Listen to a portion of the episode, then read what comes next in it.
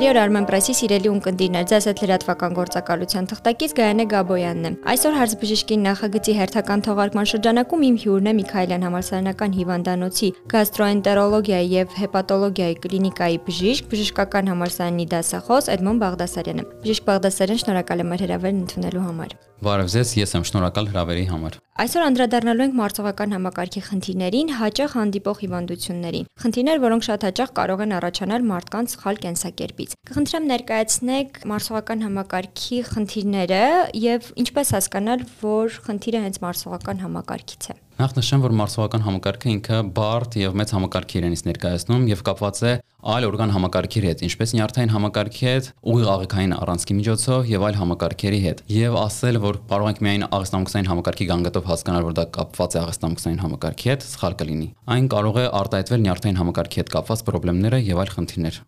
Լավ, քանի որ թեման մեծ արձագանք գտավ եւ մեր ընթերցողներ ունեն շատ բազում հարցեր, անդրադառնանք մեր ընթերցողների հարցերին։ Ամենաշատ հնչած հարցերից մեկին անդրադառնանք, խոսենք քրոնիկ փորկապության մասին։ Ինչ է քրոնիկ փորկապությունը եւ այսպիսի մի հարցել առավոտյան նախաճաշին ինչ մթերքներ ընտրել փորկապությունից ու վկնացությունից խուսափելու համար։ Շնորհակալ եմ հարցի համար։ Նախ հասկանանք ինչ է փորկապությունը փորկապությունը դա մեկ շաբաթվա ընթացքում աղիների գործունեությունը 3 անգամից պակաս կամ պինդ կրանքի արկայությունն է եւ դժվարացած գազատումը։ Քրոնիկ փորկապության մասին խոսում ենք այն դեպքում, երբ սա տևական է լինում, որոշ ուղեցույցներով ասում ենք 3 ամսից ավել, որոշ դեպքերում 6 ամսից ավել, եթե գանգատները պահպանվում են։ Քրոնիկ փորկապության ժամանակ հիմնականում խորհուրդ ենք տալիս շատ բջջանյութ պարունակող սննդատեսակների օգտագործումը։ Ջուրը 2 լիտր օրեկան օգտագործում է ջրի, սովորաբար ոչ թե միանգամից ենք խորհուրդ տալիս օգտագործեն, այլ կում-կում օրվա ընթացքում խմեն։ Ինչպես նաև քրոնիկ փորկապության հիվանդներին խորհուրդ ենք տալիս ուժեղացնել որովայնի պրեսի մկանները, այսինքն կատարել վարժություններ, որոնք կնպաստեն որովայնի առաջին պատի մկանների ամրացմանը։ Հիվանդներին նաև խորհուրդ ենք տալիս ֆիզիկական ակտիվությամբ զբաղվել,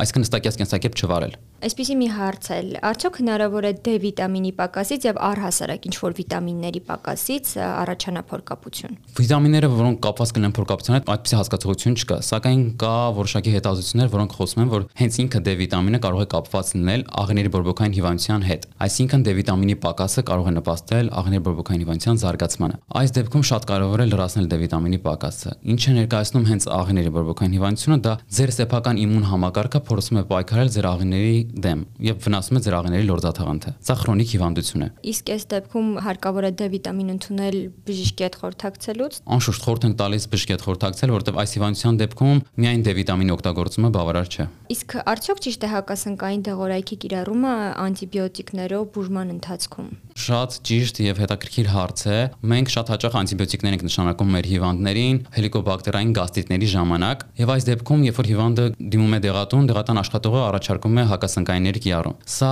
եվրոպական ստանդարտներով շատ սխալ մոտեցում է, քանի որ հակասնկայինների անհարկի կիրառումը, այսինքն երբ որ մարդը իմունոդեֆիցիտային վիճակներ ունի, կարող է նպաստել նրան, որ հետագայում եթե տվյալ մարդու մոտ ունենանք սնկային ախտահարումներ, տվյալ հակասնկայինը արդեն արդյունավետ չլինի։ Այսինքն ես ինքս խորհուրդ չեմ տալիս անտեղի հակասնկայինների կիրառումը։ Իսկ այն տեսակետը, որ անտիբիոտիկները կարող են աղիներում առաջացնել սնկեր, իսկ այդ դեպքում ոնց պայքարել անտիբիոտիկների վնասակար ազդեցության դեմ։ Այդ սխալ մտածելակերպը սովորաբար, որ ասում ենք անտիբիոտիկները նպաստում են սնկերի առաջացմանը, նրանք նպաստում են սնկերի առաջացմանը իմունոդեֆիցիտով պացիենտների մոտ։ Այսինքն նորմալ մարկանց մոտ անտիբիոտիկները սնկերի առաջացմանը սովորաբար չեն նպաստում։ Երկարատև անտիբիոտիկների կիրառումը կարող է նպաստել ախտաբանական միկրոֆլորայի ակտիվացմանը կամ նպաստել անտիբիոտիկ աուսացված լուծի առաջացմանը։ Սրանք արդեն այլ պաթոլոգիաներ են, որոնք արդեն այլ հետազոտման կարիք ունեն։ Լավ, անդրադառնանք եւս մեկ շատ տարածված խնդրի դիսբակտերիոզին։ Ինչ է դիսբակտերիոզը եւ ինչպես է կային ախտորոշում եւ բուժում։ Նախ նշեմ, որ ներկայումս դիսբակտերիոս հասկացողություն չկա։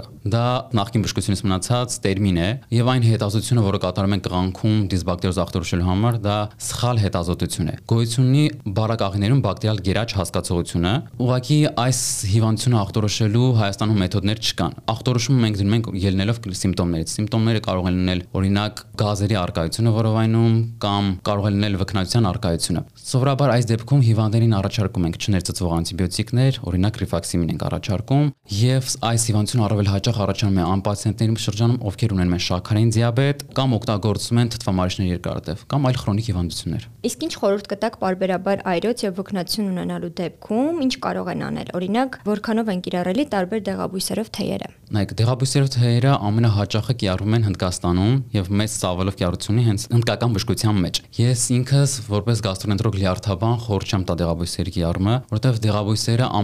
ամենաշատն են առաջացնում լյարդի վնասում։ Այսինքն նրանք կարող են բերել նույնիսկ ընդհանուր միջև մահվան դեղաբույսերի անհարկի կիրառումը։ Կան այո, որ դեղատներում վաճառում են այս բույսերի հավաքը ճիշտ է կատարվում։ Սակայն մեր ժողովուրդ ունի նաև երբ որ գնում են անտառներ ու հավաքում են բույսերը, այս բույսերի հավաքի ընթացքում ճիշտ տեխնիկան չի պահպանվում եւ ճիշտ հատվածներից չի պատրաստվում թուրմը եւ կարող են պարունակել տոքսիններ։ Ինքս նույնիսկ դեղատնային բույսերին խորհուրդ չեմ տալիս օգտագործել։ Իսկ եթե կան դեղաբույսեր, որոնք բարբերաբար օգտագործում ես եւ օգնում են տվյալ խնդրի դեպքում, այդ դեպքում? Նայեք, կան որոշակի բուսական դեղորայքներ, որոնք հաստատված են բժշկության մեջ։ Օրինակ, ճապոնական բժշկության մեջ կան, որոնք են եւ չինական բժշկության մեջ, բայց դրանք հատուկենտ բույսեր են։ Այսինքն մեր օրինակ այս վերջերս դեպքեր եղել, այլ տենց մեր ժողովրդական բժշկությունից դեղորայք են կյարել եւ ունեցել ենք լյարդի վնասում։ Այսինքն բարձր ֆերմենտների մակարդակ, որը կարող է ծանր ընթացք ունենալ եւ կորցնենք հիվանդին նույնիսկ։ Գիտենք, որ հաճախ մարսողական խնդիրները զանազան դիետաների հետևանք կարող են լինել նաեւ։ Կցանկանայի նշեք կանոններ, որ դիետա սկսող անձը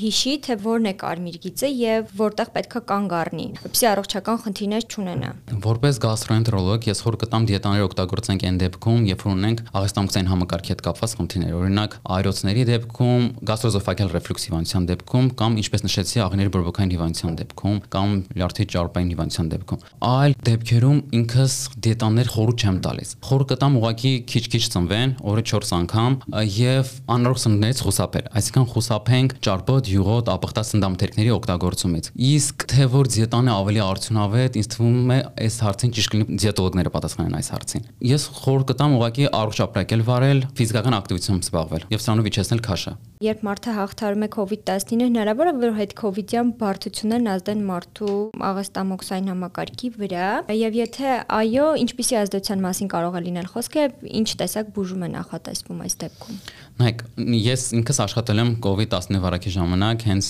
որպես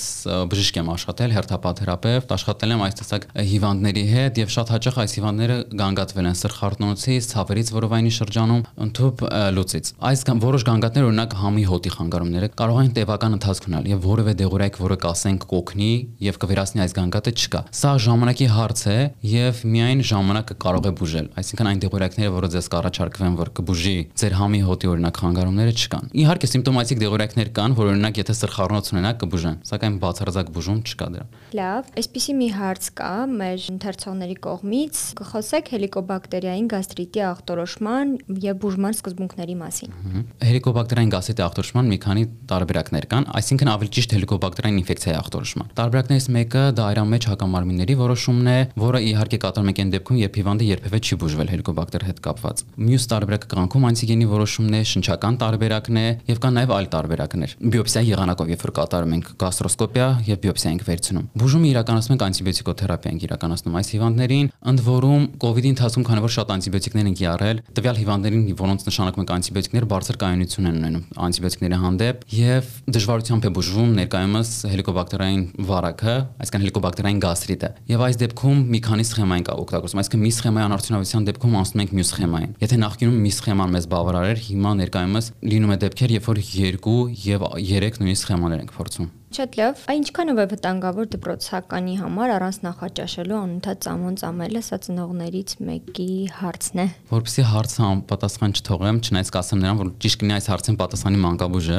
ինքս գաստրոընտրոլոգ եմ, սակայն մեծ ասակների բժիշկ եմ։ Կպատասխանեմ, որ ճիշտ կլինի առավոտյան երեխաները նախաճաշան նոր գնան դպրոց, ու որպես էներգիայի աղբյուր սնունդ պետք է լինի եւ աղստամքսային հետագա հիվանդություններից խուսափելու համար, սակայն այս հարցի ճշգրիտ պատասխանը ճիշտ կլինի հնչեցի մանկաբույժների կողմից։ Շատ լավ, նորից վերադառ վերադառնանք աղջիկների կողմից շատ ցանկալի նիհարելու գործընթացներին, շատ հաճախ քաշ կորցնելու համար դիմում են ամենատարբեր միջոցների, որոնցից մեկն էլ առավոտյան դատարկ ստամոքսին, մեղրաջուր եւ կիտրոնաջուր խմելն է։ Հնարավոր է արդյոք դրանից ստամոքսի հետ կապված խնդիրներ առաջանան։ Նաեւ կխնդրենք նշել դատարկ ստամոքսին մածուն կարելի է ուտել թե ոչ։ Նշեմ մեղրաջրի եւ կիտրոնաջրի օգտագործման ես ինքս դեմ եմ, քանի որ նրանք առաջինը քաղցր է, երկրորդը թթու է եւ նրանք կարող են վնասել ստամոքսի լորզաթաղանթը, երբ որ քաղաքացին քաղցր հարթած օրինակ վիճակում է գտնվում։ Խորը կտամ, եթե օրինակ մեղրաջուրը կամ որևէ այլ բան եք օգտագործում, օգտագործեք սնունդը օգտագործելուց հետո։ Ինքս չեմ հավատում նրան, որ դա մեծ էֆեկտիվություն ունի։ Չկա գիտական հետազոտություն, որը կփաստի դրա էֆեկտիվության մասին։ Ինքս կողմնակից եմ մածունի օգտագործմանը, ինձ թվում է որևէ վտանգ իրենից չի ներկայացնում, հակառակը նախկինում սովետական միության ժամանակ օրինակ Ճապոնիայից մի շարք գիտնականներ են եկել եւ Հայաստանում ուսումնասիրում էին մածունի պատրաստման տեխնիկան եւ ասեմ ձեզ, որ աղստամքսային միկրոֆլորայի բարելավման համար այն շատ մեծ էֆեկտիվություն ունի։ Եվ նույնիսկ անտիբիոտիկային բուժումից հետո շատ հաճախ նշանակում ենք դեղորայքներ, օրինակ պրոբիոտիկներ, կարող ենք նշանակել եւ հիվանդին խորտ տալ օգտագործեն մածուն, ուղղակի։ Նույն նարին է կամ մածուն։ Լավ, ինչպես կարելի է բարձել արդյոք մարսողական խնդիրները կոնկրետ որևէ սննդից են թե ոչ։ Այ օրինակ որոշ ժամանակ բացառել տվյալ սննդատեսակի օգտագործումը եւ արդյոք նորմալ է դա եւ երբ օրգանիզմը որևէ սնունդ չի ընդունում, այս խնդրի լուծումը այդ սննդից հրաժարվելն է, թե ամեն դեպքում կարելի է օգտագործել։ Մեր գաստրոընտրալգիայում ամենահաճախ հանդիպող երկու հիվանդությունների մասին խոսամ, որպես օրինակ, առաջինը դա ցելիակյան է, որի դեպքում կոպիտ ասած շորթական լեզվով ասած դա ալերգիան է գլուտեն պարունակող սննդի նկատմամբ, այսինքն ցորենի, գարու եւ աշուրային հանդեպ։ Այսինքն այս պացիենտներին խորհուրդ ենք տալիս խուսափել հաց ցեղենից եւ այս պացիենտները չպետք է ընդհանրապես գլուտեն պարունակող սնունդ օգտագործեն, քանի որ գլուտենի օգտագործումից հետո ունեն մենք աղիների լորձաթաղանթի վնասում, բարակաղիների եւ լուծի առաջացում եւ միայն այս տեսակի սննդամթերքի բացառումը կարող է նպաստել հիվանդի վիճակի բարելավմանը եւ գանգատների ինչպիսիք են լուծը եւ վկնացությունը, գազագոյացումը եւ նույնիսկ վիտամինների դեֆիցիտի խուսափումը։ Մյուսը դա լակտազային անբավարարությունն է, երբ պացիենտների մոտ կատնամթերքից օգտագործումից հետո լուծ է դիտվում այս պացիենտների մոտ եւ վկնացությունը նույնպես գազագոյացում է դիտվում։ Այս պացիենտներին խորհուրդ ենք տալիս խուսափել, բայց ներկայումս կան դեղորայքներ լակտազապարունակող Եվրոպայում, նաեւ Հայաստանում այժմ, որոնց եթե այդ պացիենտները օրինակ ուզում են պաղպաղակ օգտագործել, խորհուրդ ենք տալիս հաբեր օգտագործել եւ կարող են արդից առիթ օգտագործել, չխուսափել այդ սննդից։ Շատ լավ, եւ վերջին հարցը, այսօր գրեթե բոլորը օգտվում են շատ հաճախ ֆաստ ֆուդերից, գազավորված ըմպելիքներից։ Կխնդրեմ ներկայացնեք ֆաստ ֆուդի եւ գազավորված ըմպելիքների ազդեցությունը մարսողական համակարգերի վրա։ Մեծականակ են օգտագործում օրինակ ֆաստ ֆուդները ու գազավորված ըմպելիքները։ Սրանք առաջի հերթին կարող են նպաստել լյարդի ախտահարմանը։ Ինչպես նշեցի միջև այս, լյարդի ճարպային հիվանդությունը կամ մետաբոլիկ աստվածած լյարդի ճարպային հիվանդություն կոչվածին, որը հետագայում նույնիսկ լյարդի ցիրոզի կարող բերել։ Այսինքն շատ երկարատև ֆաստ ֆուդի օգտագործումը, նույնիսկ գազավորված ըմպելիքների օգտագործումը, գազավորված ըմպելիքները ինչու, քանի որ նրանք շաքարով են հագեցած, կուտակվելով լյարդում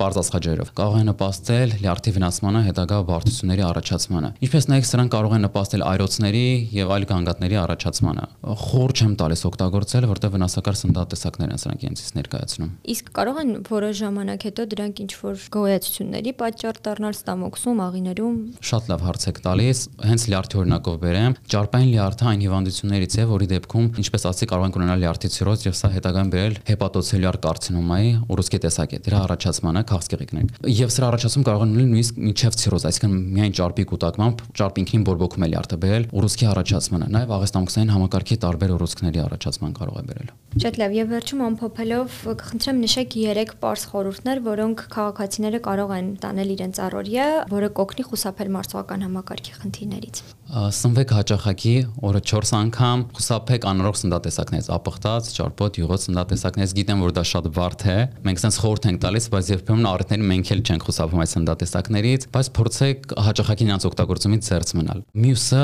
բավարար ֆիզիկական ակտիվություն ձեռք բերեք, այսինքն խուսափեք նստակյաց կենսակերպից։ Երրորդը ուղղակի հաճախ ժպտացեք, եղեք ուրախ, սա ամենակարևոր բուժումն է։ Շատ լավ, շնորհակալ եմ։ Ձեր շնորհակալություն հարցազրույցի համար։